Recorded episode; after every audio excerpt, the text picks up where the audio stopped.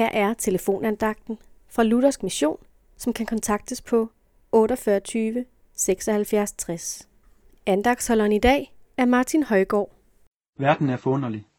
Har du nogensinde lagt mærke til så mange sjove, spændende eller mærkelige ting, der findes i den? Både af planter, dyr og mennesker.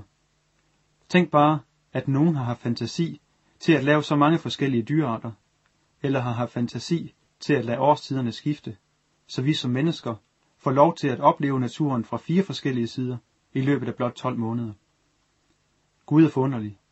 Han er den, som har skabt alt dette, og det gjorde han bare for at glæde os, for at glæde mennesket. Som det første menneske på jord fik Adam overdraget til alt sammen. Mennesket blev sat over både dyrene og naturen. Tænk, hvis jorden lå øde hen. Hvis jorden var uden hverken planter eller dyr af nogen art. Hvor ville det så være gråt og kedeligt? Men sådan er Gud ikke.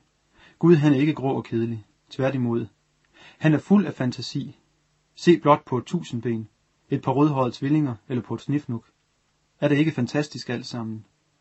Men hvad der er endnu mere fantastisk, er, at uanset hvor meget vi prøver på at efterligne Gud, så lykkes det ikke, for Gud er nemlig noget for sig selv.